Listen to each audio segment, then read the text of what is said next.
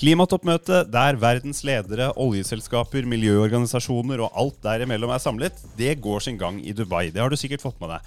Nå nærmer det seg slutten, og Bellona er jo til stede der nede og følger forhandlingene, samtidig som vi prøver å få gjennomslag for det vi mener er gode klimaløsninger.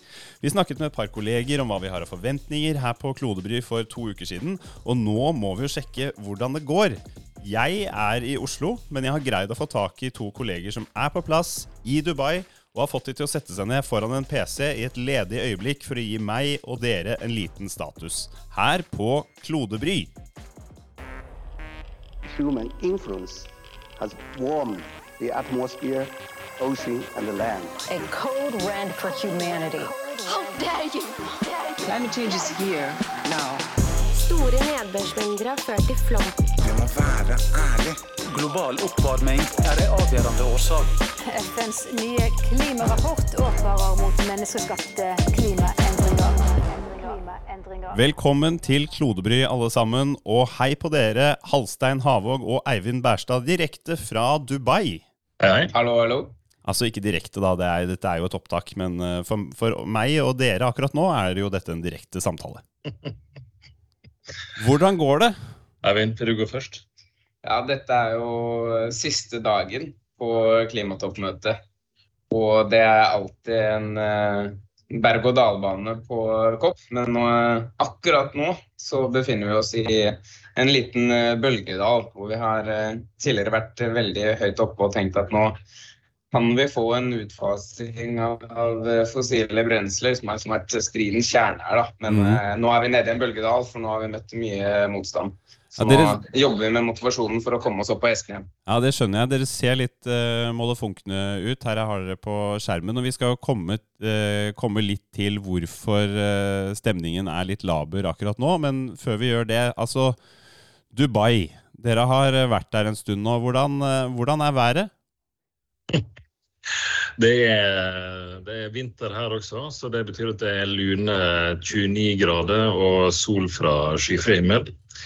Um, ellers så er jo det en litt uh, spesiell kulisse å ha i bakgrunnen for et klimatoppmøte. På vei til og fra eh, hotellet og til uh, Expo, der hele den konferansen med 100 000 deltakere er, så kjører vi forbi verdens største gasskraftverk med over 8500 gigawatt installert.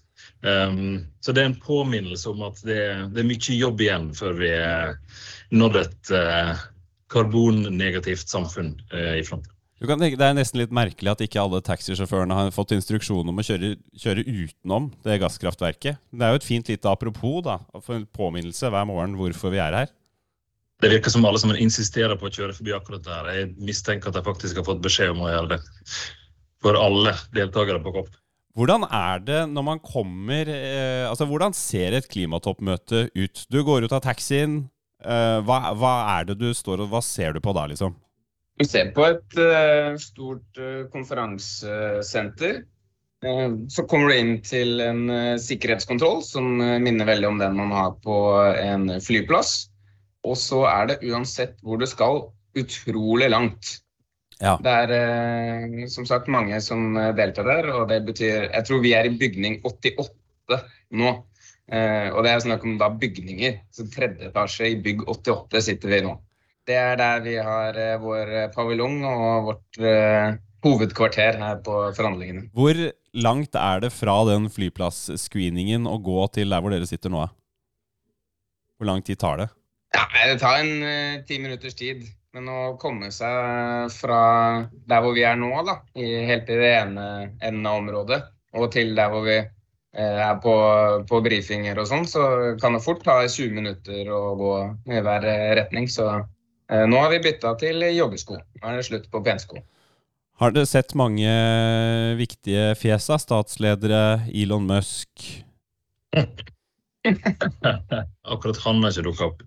Det er jo en utrolig interessant plass å være. Som sagt, i år er det nesten ny rekord på antall eh, akkrediterte deltakere her. Um, men eh, det er en smeltedigel, og en av de tingene som er grunnen til at vi er her også, er nettopp at vi kommer så nært på beslutningstagere og um, viktige personer i samarbeidsorganisasjoner, andre, andre NGO-er, næringsliv og ikke minst politikk.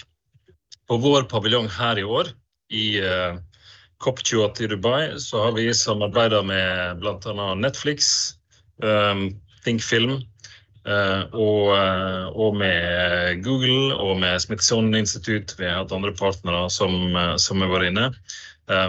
Og formålet vårt i år har vært å snakke om klimakommunikasjon og det å på en måte kunne fortelle historier som får folk med seg på de store utfordringene og løsningene som må til for å, for å løse klimakrisen. Mm. Eh, og her på, på vår eh, paviljong så har det vært gjester, det har vært toppledere fra, fra næringsliv og kultur. Vi har hatt eh, senatorer fra senatet i USA eh, innombords. Det er bare her hos oss i Byggeteatret. Eh, tilgangen på beslutningstakere er veldig stor. Og vi har løpende dialog med Eh, med den norske delegasjonen og ministre der. Vi har eh, dialog med delegasjoner fra Italia og Belgia og EU og andre plasser i forbindelse med, med den jobben vi gjør her. Så vi kommer veldig nært på. Hvor mange er det av eh, dere, altså sånn miljø- og klimaaktivister, kontra sånn olje- og gassfolk? Det er i hvert fall færre fra sivilsamfunnet enn fra olje og gass. Eh, inntrykk i hvert fall. Både av diverse nyhetsoppslag som har vært eh, om hvor mange oljelobbyister som eh, er her, og hvor mye bedre tilgang de har hatt til forhandlingene enn det sivilsamfunnet har hatt. Så det har vært ganske sterkt kritisert. og som skal kanskje være litt forsiktig med å legge for mye betydning i det av utfallet på klimakonferansen. Men det kan jo, de to tingene passer i hvert fall veldig godt sammen. da, mm. hvor, hvor, mye tilstedeværelse olje og gass har, og, og utfallet fra forhandlingene. Er det sånn at uh, de har arrangementer hvor de snakker om at uh, her er vi, vi produserer verdens grønneste olje og sånne. Er det liksom den, kommer de med sånn type budskap, eller er det mer sånn sneaky? Jeg tenker det er hele spekteret. Fra helt åpenbart eh, varme, varme, taler om eh, framtida for eh, gass og, eh, og, alle de løsningene som, som en ønsker ned, til ting som skjer på bakrommet.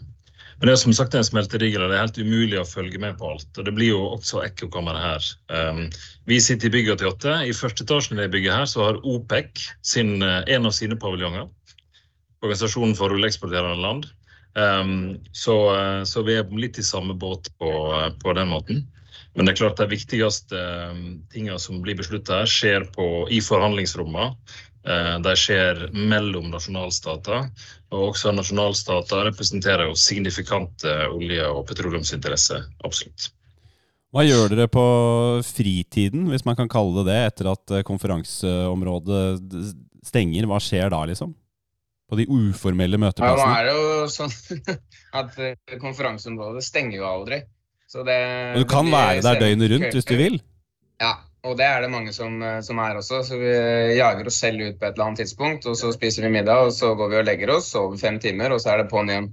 Så uh, i går så tenkte jeg jeg må ha vært i kontakt med havet før jeg drar hjem.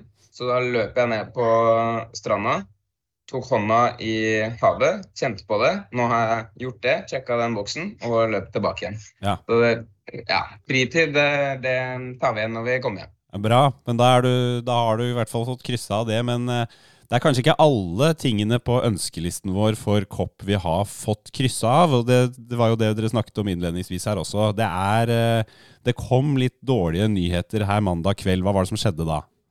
Det som eh, skjedde, var at det var veldig høye forventninger til eh, hva verdens land skal bli enige om å gjøre med fossile brensler, så olje, kull og gass.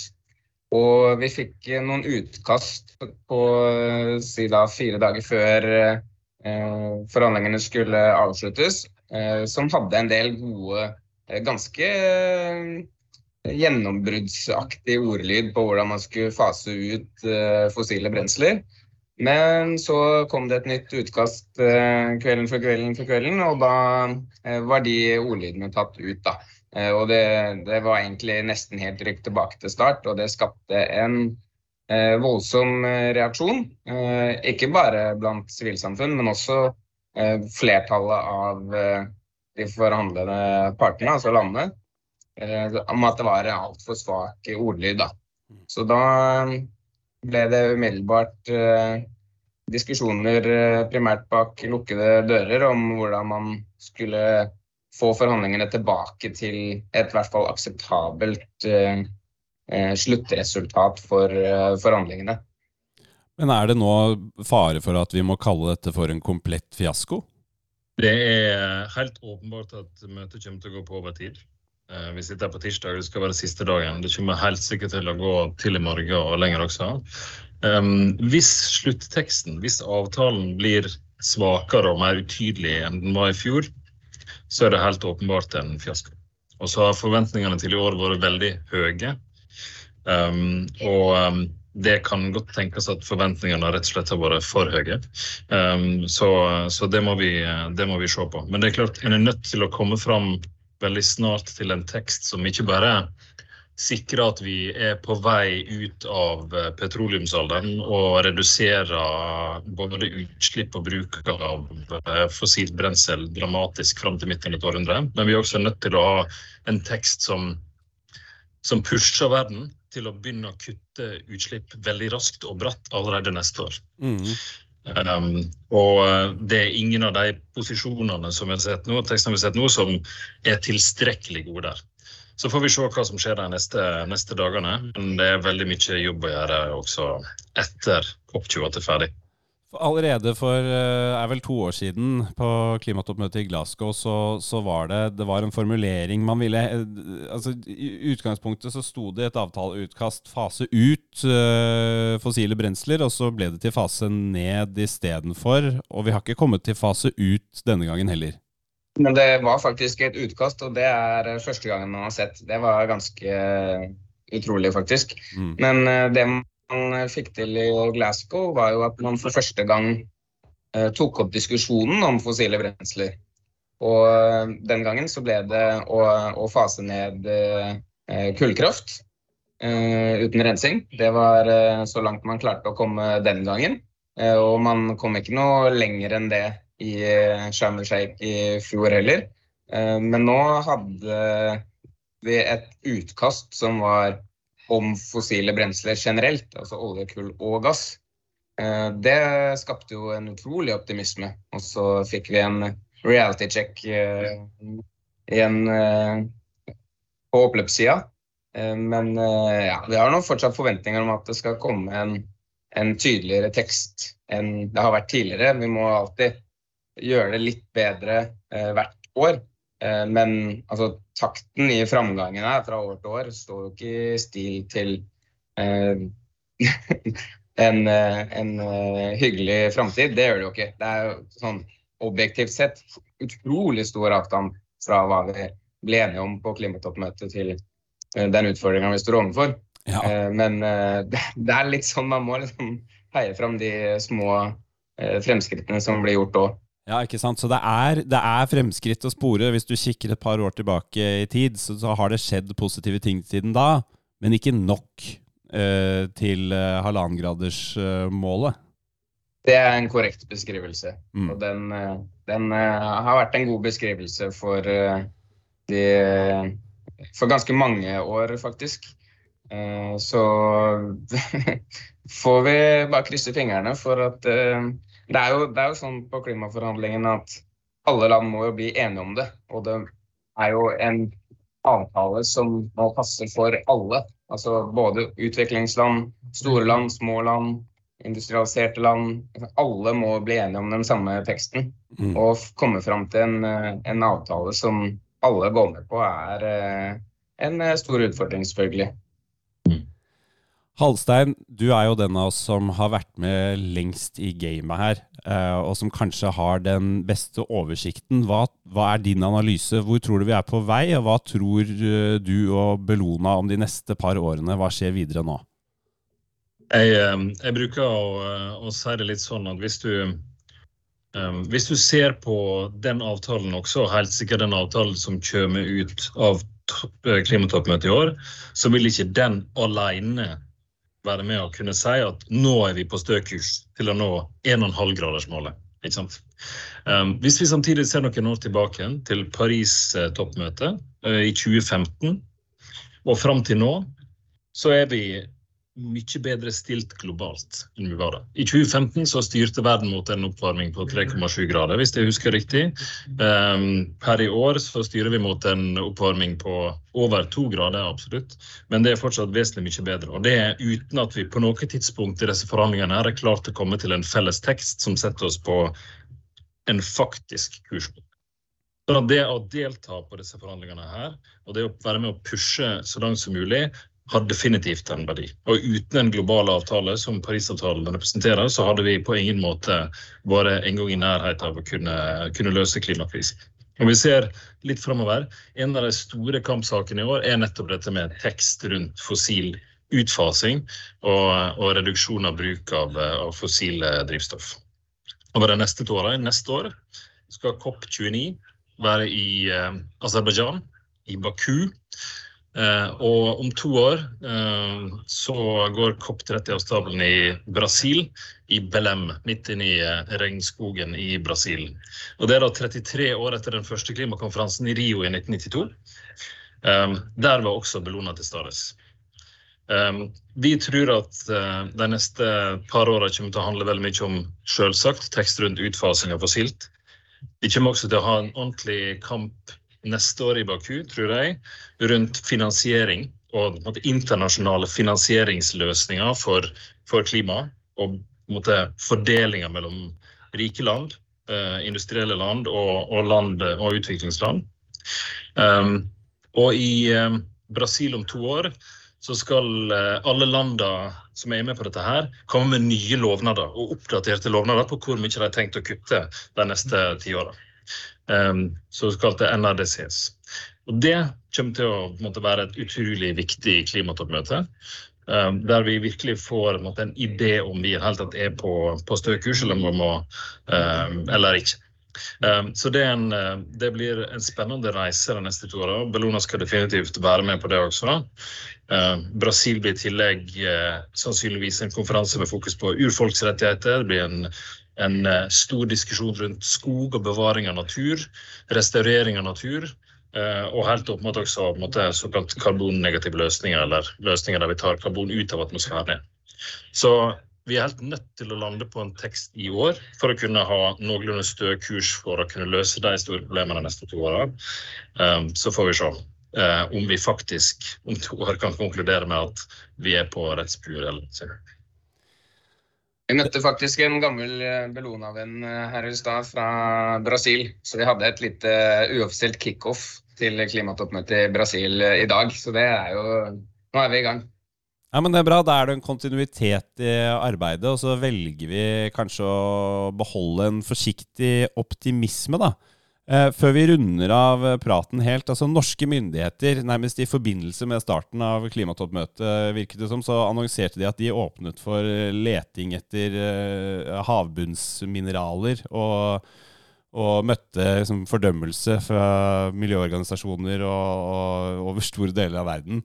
Hvordan, eh, hvordan er norske myndigheters eh, Hvordan er de på klimatoppmøtet? Blir de spytta på, eller hvordan, hvordan turer de frem?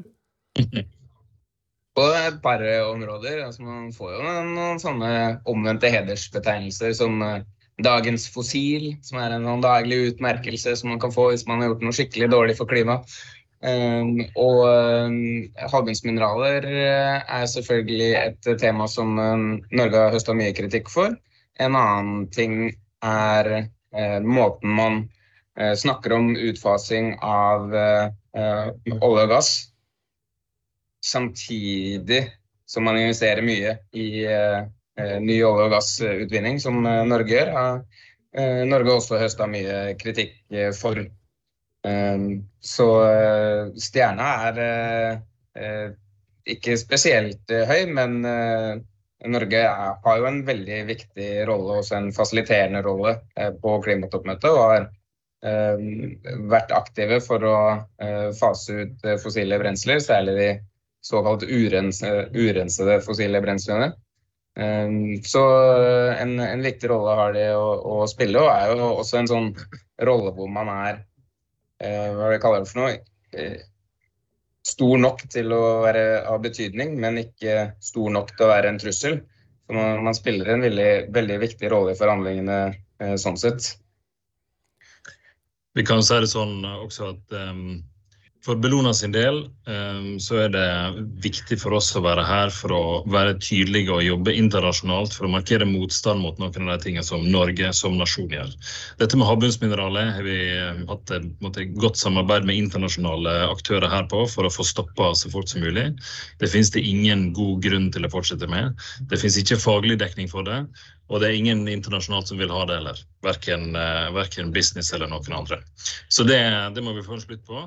Og Norges en måte, uh, ganske idiotiske slagord om å utvikle og ikke avvikle oljenæringa et fint ordrim, men det henger ikke på greip verken med klimaforhandlinger eller de store måte, lange linjene som blir diskutert her. Eller. Så det kommer Bellona også til å fortsette å jobbe imot. Så har delegasjonen med klimaminister og utenriksminister her gjort en god jobb, syns jeg, i selve forhandlingene, måten de har opptrådt på der. Men eh, Norge som nasjon har ingen høy stjerne som miljønasjon eller som havnasjon for den del akkurat nå. Det er mye å jobbe med der også, hvis en faktisk vil komme inn i det gode selskapet her. Her finnes det et uh, marked, hører jeg i hvert fall, uh, for et Bellona som jobber både lokalt med norske myndigheter og globalt med gode klimaløsninger og frem mot de neste klimatoppmøtene. Eivind og Halstein, takk for praten. Og så får dere ha lykke til med å få skvisa inn noen gode formuleringer i avtaleteksten før uh, klimatoppmøtet rundes helt av. Og så ses vi vel snart hjemme i Oslo. Det er vi. Takk skal du ha. Ha det bra.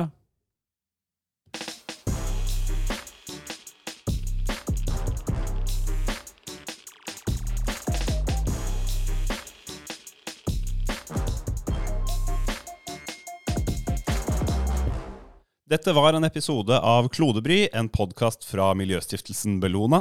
Vi snakker om problemer og løsninger for klima på planeten Jorden. Følg oss i sosiale medier og abonner på denne podkasten, så blir du litt klokere enn alle vennene dine. I studio i dag så har du hørt meg, Benjamin Strandquist, og med meg fra Dubai har jeg hatt Halstein Havåg og Eivind Bærstad. Kunne du eller din bedrift eller organisasjon tenke seg å bidra med noen kroner så vi kan lage enda mer stoff og nå ut til enda flere mennesker, ta kontakt med oss på klodebry at bellona.no. Og på den adressen så kan dere også gjerne sende oss spørsmål, tilbakemeldinger, ting dere vil at vi skal snakke om her på Klodebry på, en, eh, på et senere tidspunkt. Men nå er det slutt for i dag.